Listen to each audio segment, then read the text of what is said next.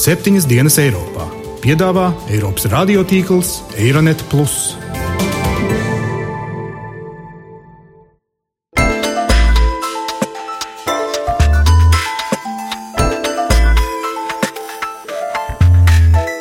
Šonadēļ septiņas dienas Eiropā dzirdēsim. Šīs schēmas izmanto korumpanti, naudas atmazgātāji, teroristi un, un tā tālāk. Jo mēs eh, redzam, kur šāda cipras politika eh, noveda.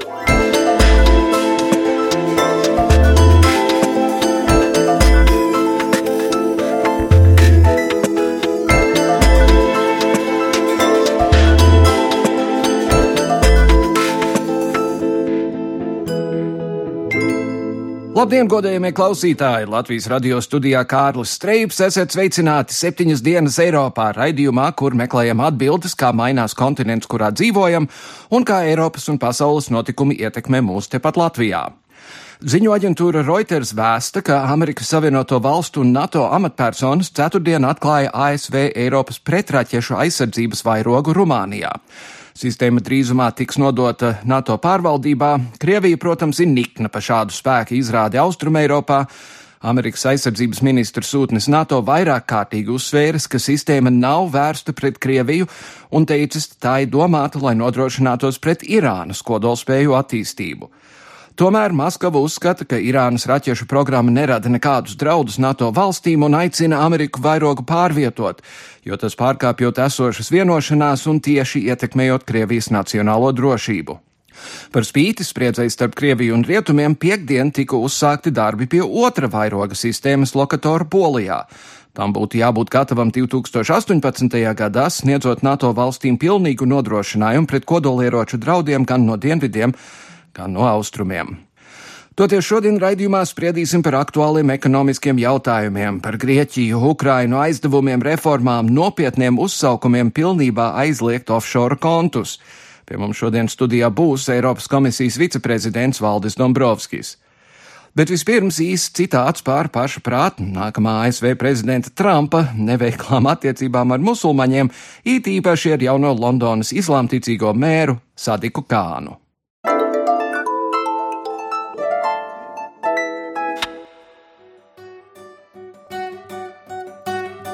Noslēdzoties Lielbritānijas reģionālajām vēlēšanām par Londonas mēru, kļuvis Pakistāņu izcelsmes laborists Sadiks Kāns, pirmais musulmanis šajā amatā. Šo faktu vēlēšanu kampaņā nav baidījušies izcelt viņa pretinieki. Asajā kampaņā konservatīvie vairāk kārt kurinājuši naidu pret reliģiskām un etniskām minoritātēm, saucot Kānu par radikāli, kam ir saites ar islāmistiem. Tojoties ASV vēlēšanām, līdzīga aizsprieduma pilna retorika dzirdēta no republikāņu kandidāta Donalda Trumpa puses. Viņš vairākas reizes solījies, ka stājoties amatā uzlabotu valsts drošību, aizliedzot musulmaņiem ieceļot ASV. Savukārt pēc Londonas vēlēšanām Trumps izpelnījies kritiku, pretrunīgi paužot prieku par Kānu uzvaru. Viņš paziņoja, ka viņa prezidentūrā aizliegums ieceļot ASV uz Kānu neatiektos, pasludinot viņu par izņēmuma gadījumu. Šo žestu klai noraidījis jaunais Londonas mērs Sadiks Kāns. I think Donald Trump has ignorant views about Islam. It's not just about me. I don't want to be the exception to be allowed to go to America. Es uzskatu, ka Donaldam Trumpam ir tumsonīgs viedoklis par islāmu. Šo lēmumu es pieņemu ne tikai sevis dēļ. Es nevēlos būt izņēmuma gadījums, kam atļauts ieceļot Amerikā, kamēr Donalds Trumps saka, ka tad, ja viņu ievēlēs par prezidentu, viņš aizliegs visiem musulmaņiem ieceļot ASV. Tas nozīmē to, ja kāds vēlas doties tur atvaļinājumā, vai iesaistīties biznesā vai studēt Amerikā, tad varēs aizliegt tur nokļūt tikai tāpēc, ka esi musulmanis. Tādēļ, lai arī izņēmums man būtu piemērots, Es uz turieni neceļošu. Par godu saviem draugiem, ģimenei un pārējiem pasaulē, kas vēlas uz turieni doties. Man ir bažas, ka viņš šādi ir netieši palīdzējis ekstrēmistiem, kuri uzstāja, ka esot musulmanim, dzīvot rietumniecisku dzīvi nav iespējams. Manuprāt, Londona ir pierādījusi, ka tas ir iespējams.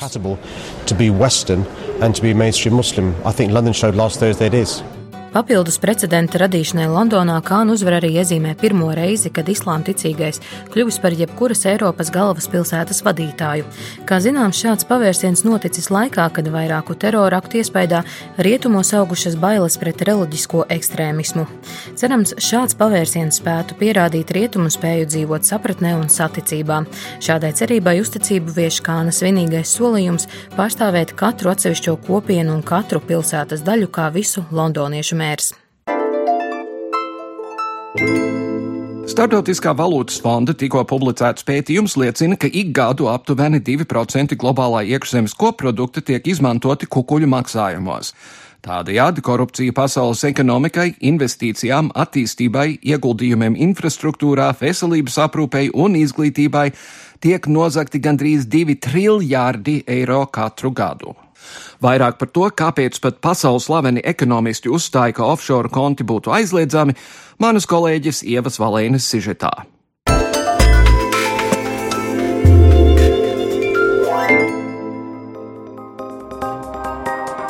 Ir pagājis pusotrs mēnesis, kopš pasauli satricināja Panamas dokumentu nopludināšana. Kopš tā brīža vairākas amatpersonas ir atvadījušās no saviem amatiem, bet citiem nācies pavadīt daudz laika skaidrojoties ar sabiedrību par to, kāpēc viņu vārdi atrodami nopludinātajos dokumentos. Bet pagājušajā nedēļā nāca otrais trieciens. Tagad jebkurš var pārbaudīt, kas ir atrodams dokumentos, un nu tur ir nonākuši arī vairākas pasaules mēroga slavenības, kā piemēram aktrise Ema Vatsone. Vatsons pārstāvi, protams, uzreiz pēc ziņu parādīšanās nāca klajā ar paziņojumu, ka aktrise ārzonas firmas izveidojas, lai pasargātu sevi un savu privātumu, ko nevar izdarīt, reģistrējot uzņēmumu savā dzimtenē Lielbritānijā. Parādījušies arvien vairāk faktu par un ap Panamas dokumentiem, piemēram, tas, ka ziņotājs šos dokumentus ir piedāvājis vairākiem lieliem medijiem, kuru vārdi gan nav minēti, bet tie ir atteikušies tos pētīt un publicēt. Noraidošu atbildi ir sniedzis arī Wikileaks. Ziņotājs šajā sakarā arī paziņojis, ka mediji ir izgāzušies. Savu balsi pacēluši arī 300 pasaules slaveni ekonomisti. Viņi uzskata, ka nodokļu paradīzēm nav nekāda labuma un pieprasa jaunus globālus likumus, kas noteikti uzņēmumiem publicēt ziņas par nodokļu maksājumiem visās valstīs, kurās tās darbojas. Viens no ekonomistiem, kurš parakstījis minēto vēstuli, profesors Jeffrijs Saks, intervijā BBC atzina, ka cīņa ar nodokļu paradīzēm nebūs viegla. Now, this is a big problem because promises have been made es domāju, ka ASV un Lielbritānijai vajadzētu rīkoties momentāli, lai pārtrauktu šo nodokļu un slepenības paradīžu darbu. Šīs paradīzes lielo varu veidot radījumi, un tas ir apvainojums. Mēs redzam no Panamas dokumentiem, ka tās ir kā vadi nelikumībām, korupcijai, nodokļu nemaksāšanai. Tam vienkārši ir jābeidzas. Es domāju, ka ši, Es domāju, ka šīs valdības nevēlas rīkoties, jo to spēcīgie atbalstītāji, neatkarīgi vai tie ir Londonā vai Volstrītā, cīnās ļoti spēcīgi, lai šīs nepilnības netiktu izskaustas. Bet sabiedrība redz ar vien vairāk un vairāk. Pat ar visu slepenību mēs dzīvojam ar vien caurspīdīgākā pasaulē. Un es domāju, ka mūsu valdības tiek spiestas ar vien vairāk un vairāk, lai šīs nepilnības novērstu. And I believe so much a reflection of inside politics, not real opinions. Tikmēr valstis, kuras šādi lēmumi ietekmētu, pretojas un nevēlas publicēt datus. Un savā ziņā tas ir arī saprotams, lai gan par naudas turēšanu ārzonās bieži nav jāmaksā nekādi nodokļi, tomēr, lai šādus pakalpojumus nodrošinātu, offshore firmu īpašniekiem jāuztur veselas industrijas. Jāmaksā gan cilvēkiem, kurus papīri ir firmu īpašnieki un akcionāri, gan juridiskajām firmām, kuras šos pakalpojumus nodrošina. Tāpat īstajiem īpašniekiem vai arī viņu pārstāvjiem iespējams arī nepieciešams ierasties izvēlētajā šajā nodokļu paradīzē, kas nozīmē, ka tiek izmantoti dažādi ar viesmīlību saistīti pakalpojumi, viesnīcas, restorānu un atpūtas bāzes. Turpina investīciju baņķieris Girts Rungainis. Tas ir veids, kā tālās un dieva aizmirstās vietās principā attīstīt tādu augstas pievienotas vērtības finansu industriju un gūt labumu no šīm finansu plūsmām. Novērtējumi ir dažādi, bet nu, ņemot vērā, ka kopumā tie novērtējumi visi ir triljonos jautājums, vai tie ir 9 vai 11 vai, teiksim, kāds cits skaitlis, cik daudz naudas atrodas dažādu veidu offshore uh, jurisdikcijās un zonās kopumā. Un skaidrs, ka katru gadu tomēr pat neliels procents no šīm summām kopumā sastāda tātad liels naudas summas. Vairumā šīs te valsts jurisdikcijas arī ir mazapdzīvotas un nelielas. Tā kā attiecīgi tas efekts ir salīdzinoši neproporcionāli liels. Offshore zonām ir arī aizstāvji. Piemēram, rakstnieks Tims Vorstāls dalījies ar viedokli Forbes portālā, kurā apstrīd 300 ekonomistu pausto, ka no nodokļu paradīzēm nav nekāda labuma. Viņš uzskata, ka offshore zonas ierobežo valdību iespējas ielīst iedzīvotāju kabatās. Tāpat Vorstāls mina gadījumus, kad valdības aizraušās ar nodokļu piemērošanu. Piemēram, Francijā, kurā iespējams piemērot pat 75% ienākumu nodokli, kas daudzus francūžus pamudinājis pārcelties uz Londonu, kur nodokļu likmes nav tik augstas valstis. Tāpat Vorstals atgādina par teju gadsimtu senu vēsturi, kad tolaik jaunizveidotajā Padomju Savienībā paaugstināja nodokļu peļņas likmi līdz 130%. Šeit gan jāpiemina, ka Dānijas Tehniskās universitātes pasniedzējs Fins Orups Nilsens apkopojas datus par daļu Panamas dokumentos minēto cilvēku profesijām, un, lai gan dati neapskata visus Panamas dokumentu skandālā iesaistītos, savas tendences ir redzamas. Populārākā joma, kurā strādā Panamas dokumentos minētie - politika, jeb cilvēki, kuri veido nodokļu politiku. Šeit gan jāatcerās, ka uzņēmums offshore nenozīmē, ka tas ir saistīts ar kaut ko nelikumīgu. Turpina Girts Rungainis. Es gribētu apgalvot, ka lielākā daļa, kas ar to ir saistīta, principā var kalpot privātu uzņēmēju dažāda veida un izmēra un mēroga pilnīgi, teiksim, likumīgam biznesam un uh, faktiski tomēr uh, veicināt dažāda veida investīcijas un, un finansu risinājumus pasaulē. Bet skaidrs, ka, kā vienmēr, tajā vanā kopā ar bērnu mums ir arī tās putas un tas negatīvais. Un uh, skaidrs, ka šīs te schēmas izmanto arī korumpanti, naudas apmazgātāji, dažādi veidi noziedznieki un teroristi un, un tā tālāk. Un zināms, no offshoreizācijas elements kaut kādā mērā pastāv arī, piemēram, tad, ka Latvijas uzņēmējs kā fiziska persona atver uzņēmumu Igaunijā. Tas nav, protams, tāds pilnīgi anonīms un, un offshoreizēts risinājums, bet daudzos gadījumos tas tā notiek, un faktiski šie Latvijas uzņēmēji, tad, ja viņi to ir izdarījuši, atvēruši uzņē, un izmanto šo Igaunijas uzņēmēju, iegūst priekšrocības savam biznesam uh, Latvijā, vai neiegūst kaut kāds negatīvs efekts. Igaunija gan nav offshore zonu pasaules topā. Tur atrodams tādas valsts kā ASV, Šveice, Luksemburga un citas. Panamas dokumentu nopludināšana, par kuru visticamāk dzirdēsim vēl ilgi, ir iekustinājusi ledu. Pagājušajā nedēļā Londonā notikušajā antikorupcijas samitā Lielbritānijas premjeras Deivids Kamerons, kura vārdu arī varējām atrast dokumentos, paziņoja, ka daļa no Lielbritānijas aizjūras teritorijām pievienosies valstīm, kas vienojušās dalīties ar datiem par tajās reģistrēto uzņēmumu īpašniekiem. Atslēgas vārds gan šī gadījumā ir dažas. Lai gan ledus kustās lēni, Panamas dokumentu skandāls visticamāk pamatīgi ietekmēs Panamas un citu mazo valstu ekonomikas, kuras daļai balstās uz offshore kompānijām. Jo cilvēki, kuri meklē offshore zonas, meklē klusas vietiņas, nevis skandāla apvītas dieva aizmirstas zemes. thank you Par atkārtotas Grieķijas finanšu krīzes riskiem, par Eirogrupā izskanējušiem plāniem Grieķu parādu restruktūrizēt, kā arī par Ukrainas reformu procesu un Eiropas Savienības burkānu un pātagu efektivitāti, uz sarunu esam aicinājuši Eiropas komisijas viceprezidentu Eiro un sociālā dialoga jautājumos Valdi Dombrovski. Labdien, Dombrovska kungs! Labdien! Eh, sāksim ar, ar Grieķijas jautājumu. Tur it kā reformas ir pieņemtas, tauta ir izgājusi ielās, vienalga pieņēma reformas. Kā no Eiropas eh, viedokļa pat labi izskatās Grieķijas situācija? Jā, sarunas par eh, Grieķijas starptautiskā aizdevuma programmu virzās uz priekšu. Faktiski tiek izskatīti trīs jautājumi bloki.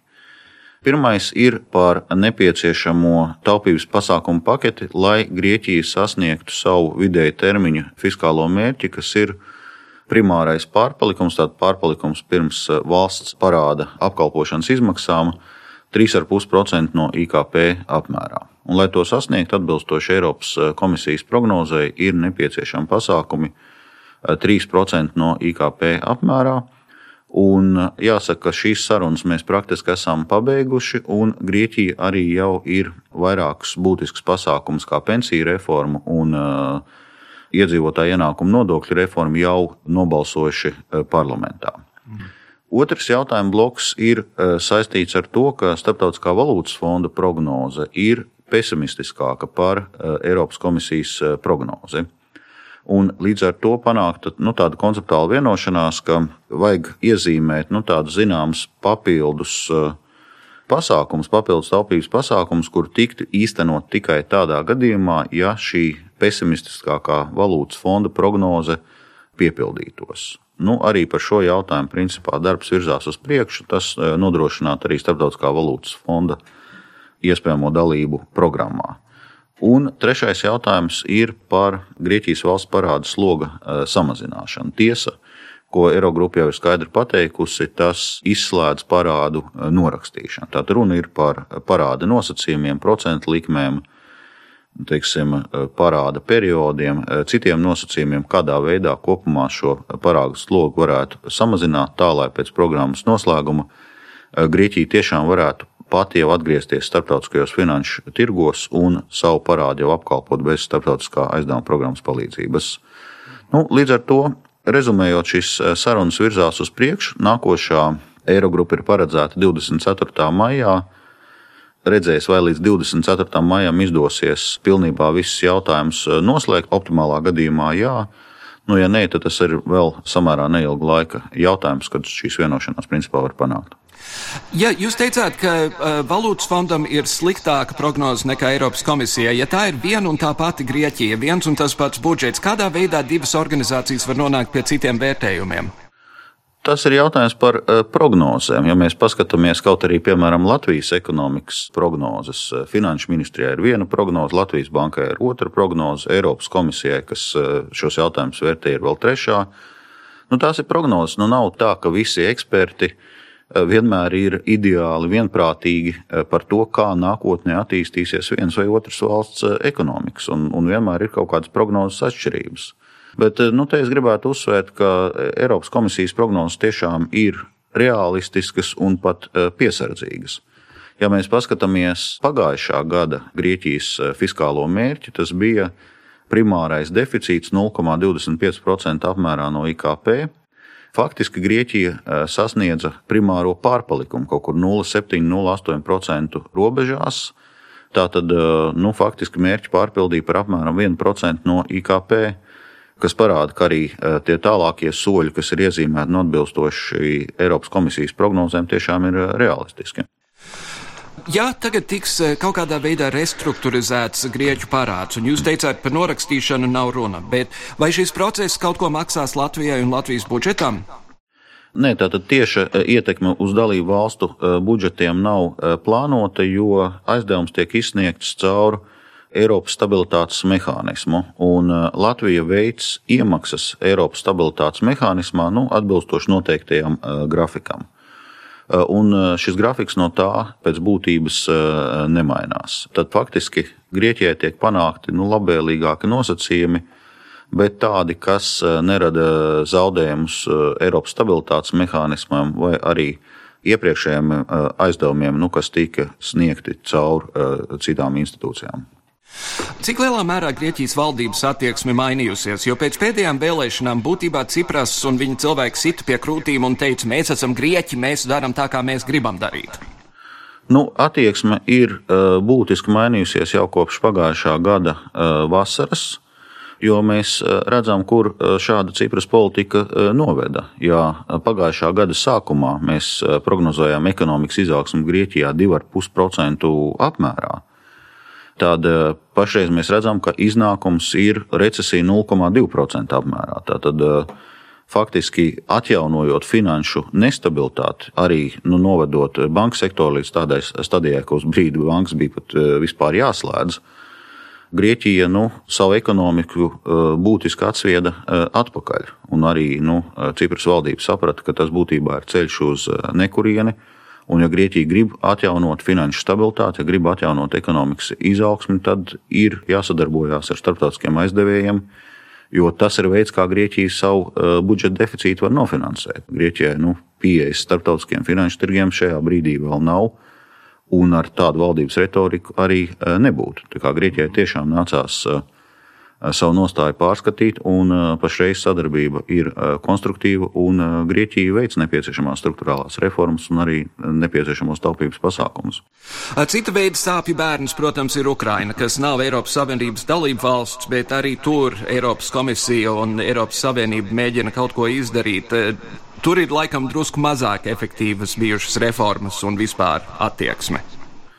Jāsaka, ka Ukraina, protams, ir krietni sarežģītākā uh, situācijā. Ir uh, konflikts uh, Austrumukrainā, ir Krimas okupācija. Līdz ar to jārēķinās, ka Ukraina tiešām ir militāra konflikta situācijā. Nu, pilnīgi, kā saka, vienu mērauklu šeit piemērot nevar. Bet neraugoties uz šo ārkārtīgi sarežģīto drošības situāciju, Ukrainā arī ir īstenot virkne reformu, un uh, virkni pasākumu arī ekonomikas stabilizēšanai. Faktiski šogad uh, Ukraina atgriežas pie ekonomikas uh, izaugsmas, ir stabilizējusi arī valsts finanšu situāciju, budžeta deficītu, stabilizējusi grivnas kursu. Līdz ar to tiešām ļoti daudz kas Ukraiņas ekonomikā ir izdarīts, un pamazām šos rezultātus arī redz. Un arī Ukraina, protams, ir starptautiskā aizdevuma programmā, saņem palīdzību gan no Startautiskā valūtas fonda, gan no Eiropas Savienības makrofinanciālās palīdzības eh, programmas eh, ietvaros. Un pašreiz mēs eh, vedam sarunas nu, faktiski par otrā tranša izmaksu mūsu makrofinanciālās palīdzības programmas ietvaros. Vai jūs ticat Ukrainas spējai it īpaši tikt galā ar korupciju? Un to es daļai jautāju tādā kontekstā, ka Panāmas papīros tā dēvētajos mēs uzzinājām, ka valsts prezidents, kas bija teicis, ka viņš bija pārdevis savus aktīvus, patiesībā tos tikai bija pārcēlis un paslēpis offshore. Protams, mēs zinām, ka Ukrainā ir e, ļoti e, nopietnas problēmas ar e, korupciju, ir ļoti nopietnas problēmas ar oligarhiem, un tāpēc no starptautisko institūciju, gan no valūtas fonda, gan no eh, Eiropas komisijas puses ir ļoti liels uzsvars eh, šajās palīdzības programmās arī uz korupcijas mazināšanu, uz efektīvu pretkorupcijas iestādes eh, izveidi, uz teiksim, partiju finansējumu sistēmas sakārtošanu, uz valsts amatpersonu ienākumu caurspīdību un tā tālāk un tā joprojām. Darāmā Ukrainā šajā virzienā ir ļoti daudz, bet nu, šis progress notiek arī šajā pretkorupcijas virzienā.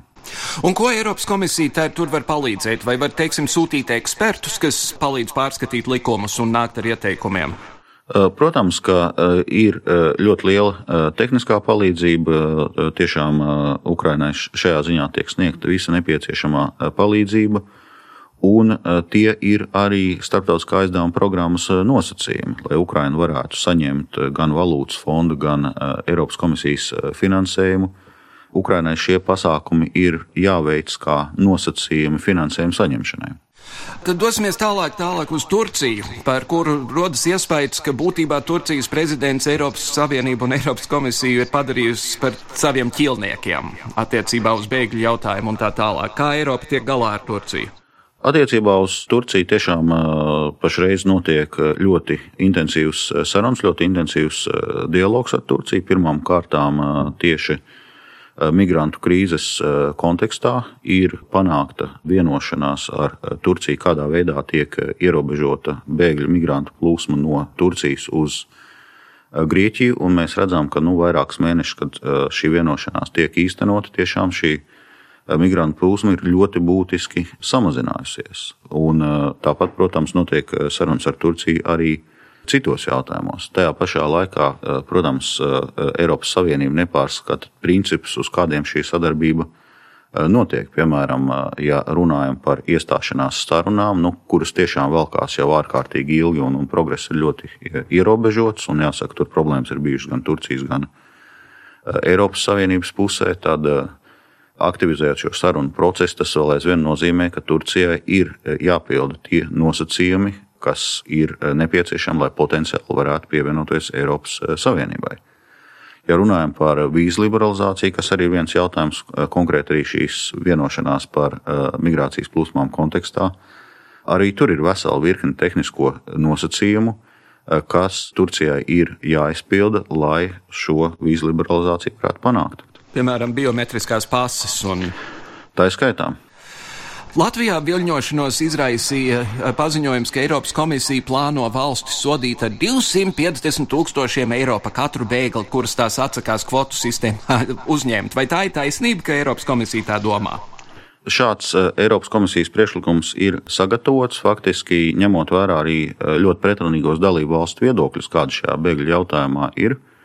Pamatā tiek saglabāta esošā sistēma, ka par teiksim, bēgļu uzņemšanu un reģistrēšanu ir atbildīga tā valsts, no kuras ārējās robežas bēglis ierodās Eiropas Savienībā. Taču ārkārtas situācijās, teiksim, neparedzējām un ļoti strauji pieaugot bēgļu plūsmām, tiek iedarbināts solidaritātes mehānisms, un šie bēgļi tiek pārdalīti starp Eiropas Savienības dalību valstīm. Un dalībvalstīm pastāv iespēja arī šajā mehānismā nepiedaloties, attiecīgi finansiāli atbalstot tās valstis, kuras saskarās ar šīm lielajām bēgļu plūsmām. Tā kā nu, te ir runa par tādu solidaritātes mehānismu. Vai jūsuprāt, būs valstis, kuras to izmantos kā izdevību nevis atpirkties, bet tieši naudu saņemt un līdz ar to ņemt vairāk bēgļus? Nu, redziet, šeit ir runa tiešām par eh, bēgļiem. Tā tad nav runa par eh, ekonomiskiem migrantiem vai nu jebkuru personu, kas ierodās Eiropas eh, Savienībā. Un tur arī no Eiropas komisijas puses ir priekšlikums tomēr veidot vienotu Eiropas sistēmu, kādā veidā personām un pēc kādiem kritērijiem bēgļu status tiek piešķirts. Un tātad šajā gadījumā tātad tiešām ir runa par personām, kurām ir atzīts, ka tām ir nepieciešama starptautiskā aizsardzība. Kā pat labam Eiropas komisija skatās uz to, kas pēc mēneša drusku vairāk notiks Lielbritānijā, respektīvi referendums par izstāšanos? Jā, nu, Eiropas komisija arī piedalījās uh, sarunās, un uh, gala rezultātā arī Eiropas Savienības padomē tika panākta Eiropas Savienības dalību valstu vienošanās par uh, nosacījumiem, nu, kas ļauj Lielbritānijai, arī nu, Lielbritānijas valdībai faktiski strādāt pie tā, lai Lielbritānija varētu palikt Eiropas Savienībā. Nu, tātad faktiski ir izsinot zināmas problēmas, problēma jautājumus, kas no Lielbritānijas puses tika izvirzīti. Arī pats Lielbritānijas premjerministrs Kameruna kungs ir atzinis, ka šī vienošanās ir pietiekama, lai viņš varētu pārliecināt, nu, strādāt pie tā, lai pārliecinātu sabiedrību par palikšanu Eiropas Savienībā.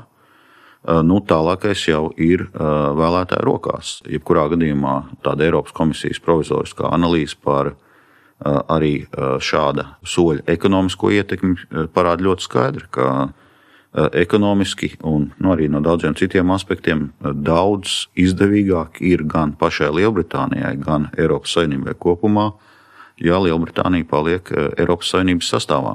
Bet tajā pašā laikā, ja nu gadījumā viņi nobalso par aiziešanu, nekur Eiropas likumos un līgumos nav paredzēta izstāšanās no Eiropas Savienības, ja nemaldos, tad, tad tas būs diezgan liels haoss.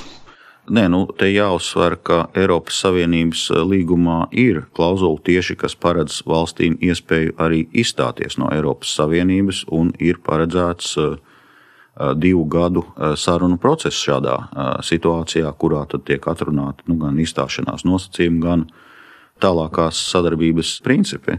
Tā kā juridiski šāda situācija ir iespējama, Bet, eh, kā jau teicu, gan no ekonomiskā, gan arī nu, no Eiropas Savienības teiksim, kopējās attīstības viedokļa, nu, tas ir ārkārtīgi nevēlams scenārijs. Un pēdīgi, Dombrovskungs, eh, laba ziņa šonadēļ ir tā, ka OECD ir ielūgusi Latviju oficiāli iestāties un kļūt par 35. dalību valsti. No visām pasaules valstīm tikai 35. Eh, jūsu laikā, kad jūs bijat premjerministrs, sākās šīs sarunas. Kā, kā, kādas jūsu sajūtas par to? Jā, nu te es uh, gribētu paust gandrību, ka šis uh, darbs ir sekmīgi uh, noslēdzies. Tad trīs gadu garumā ir bijušas šīs sarunas, un rezultāts ir pozitīvs. Un pateikt paldies visiem tiem cilvēkiem, kas pie šī jautājuma strādāja, gan politiskā līmenī, gan ierēģiem, gan diplomātiem. Un nu, pašreiz jau ir mūsu rokās, kā mēs izmantosim tās iespējas, ko dalībojas ID sniedz. Jā, jo, kā ārlietu ministrs teica, tas nav labklājības garants, tā ir palīdzība. Tieši tā, bet eh, tajā pašā laikā tā, protams, ir ļoti prestiža eh, organizācija. Tas eh, palīdz uzlabot arī nu, valsts starptautisko tēlu, valsts starptautisko atpazīstamību, kam tālāk jau ir ietekme piemēram uz to, kā Latvija vērtē arī investori, finanšu tirgi.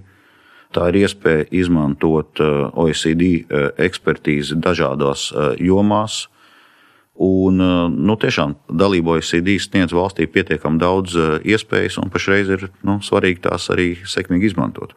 Pasaules attīstītākās valstis, tas Latvijas gadījumā nav drusku skaļi teikt. Nu, redziet, viss, protams, ir relatīvs. Ja mēs paskatāmies, nu, kā valstu ekonomiskās attīstības līmenis tiek eh, starptautiski vērtēts, nu, augstu ienākumu valstis, vidēji ienākumu valstis, kur ir nu, gan augstāko, gan zemāko vidēju ienākumu, zem ienākumu valstis. Tad arī, piemēram, atbilstoši Pasaules bankas klasifikācijai, Latvija ir starp augstu ienākumu valstīm. Mm. Ļoti jauki to dzirdēt. Eiropas komisijas viceprezidents Valdis Dombrovskis, paldies jums par sarunu! Paldies! Ekonomiskās sadarbības un attīstības organizācijas, jeb OECD, mērķis ir veidot labāku pārvaldi labākai dzīvei organizācijas dalību valstu iedzīvotājiem. Dalība OECD ļaus Latvijai izmantot šīs organizācijas un tās dalību valstu plašās zināšanas un pieredzi, kā arī pilntiesīgi piedalīties jaunu globālu standartu noteikšanā attiecībā uz šā brīža globālajiem izaicinājumiem. Mēs septiņas dienas Eiropā sveicam Latviju kā OECD 35. dalību valsti. Nākamais solis pēc ekonomiskās sadarbības un attīstības organizācijas, jeb OECD padomes lēmuma uzaicināt Latviju pievienoties organizācijai, būs Latvijas Republikas pievienošanās līguma parakstīšana, kas plānota organizācijas igadējās ministru sanāksmes laikā 2. jūnijā Parīzē. Pagājušajā nedēļā Latvijā bija ieradies OECD ģenerālsekretāra vietnieks Douglas Frants, lai sveiktu Latviju ar pievienošanos organizācijai, kā arī uzskaitītu apusējos labumus no pievienošanās līguma līguma parakstīšanas. You know, there are both tangible and intangible benefits for a country joining the OECD. Let me just talk about a couple. No iestāšanās OECD Latvijai būs gan taustāmi, gan netaustāmi ieguvumi. Ļaujiet man minēt dažus piemērus. Latvijas uzņemšana OECD ir signāls investīciju pasaulē, ka šī ir atvērta, tiesiska valsts, kur jūs varat nākt, investēt naudu un zināt, ka jūsu investīcijas pārvaldīs pēc augstākajiem iespējamiem starptautiskajiem standartiem. Es esmu pārliecināts, ka tas palīdzēs piesaistīt ārzemju investīcijas Latvijai. Es domāju, ka mums ir konkrēti ieteikumi arī saistībā ar maziem un vidējiem uzņēmumiem. Tas ir mūsu OECD darba fokusā, un mums ir konkrētas rekomendācijas šajā jautājumā. Manuprāt, ja jūs skatāties uz Latviju un Baltijas valstīm, kā arī visu Austrumu Eiropu kopumā, var redzēt, ka mazie un vidēji uzņēmēji ir ekonomikas labklājības pieauguma dzinējs. Un šos uzņēmumus ir ietekmējusi ekonomiskā lejupslīde, kas sākās 2008. gadā. Un mēs esam izstrādājuši konkrēts risinājums, lai atvieglotu mazo un vidēju uzņēmēju pieeju kredītiem. Ko tas nozīmēs Latvijas iedzīvotājiem? Tas nozīmēs ekonomikas augšanu, un tas nozīmēs vairāk darba vietu. Tas nozīmēs vairāk eksportēšanas iespēju. Tas nozīmēs šo uzņēmumu ieviešanu globālajā tirgū.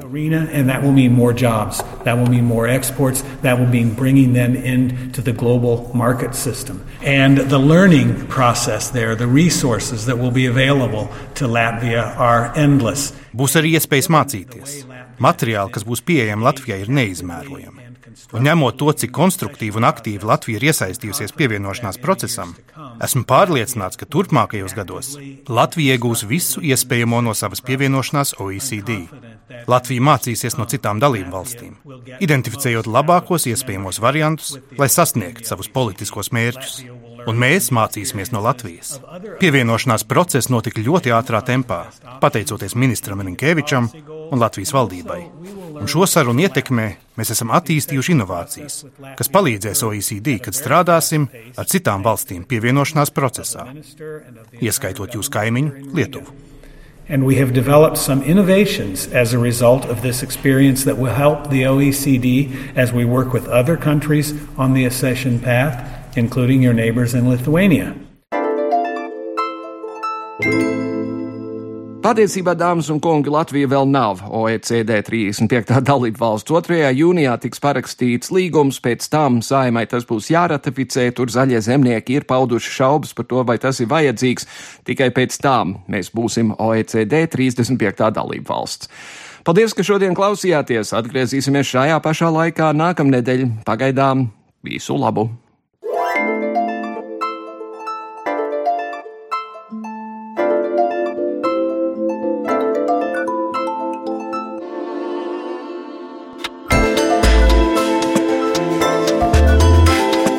Raidījumu veidojam Kārlis Streips, Ieva Valēne un Jānis Krops. Raidījuma producents Lukas Rozītis.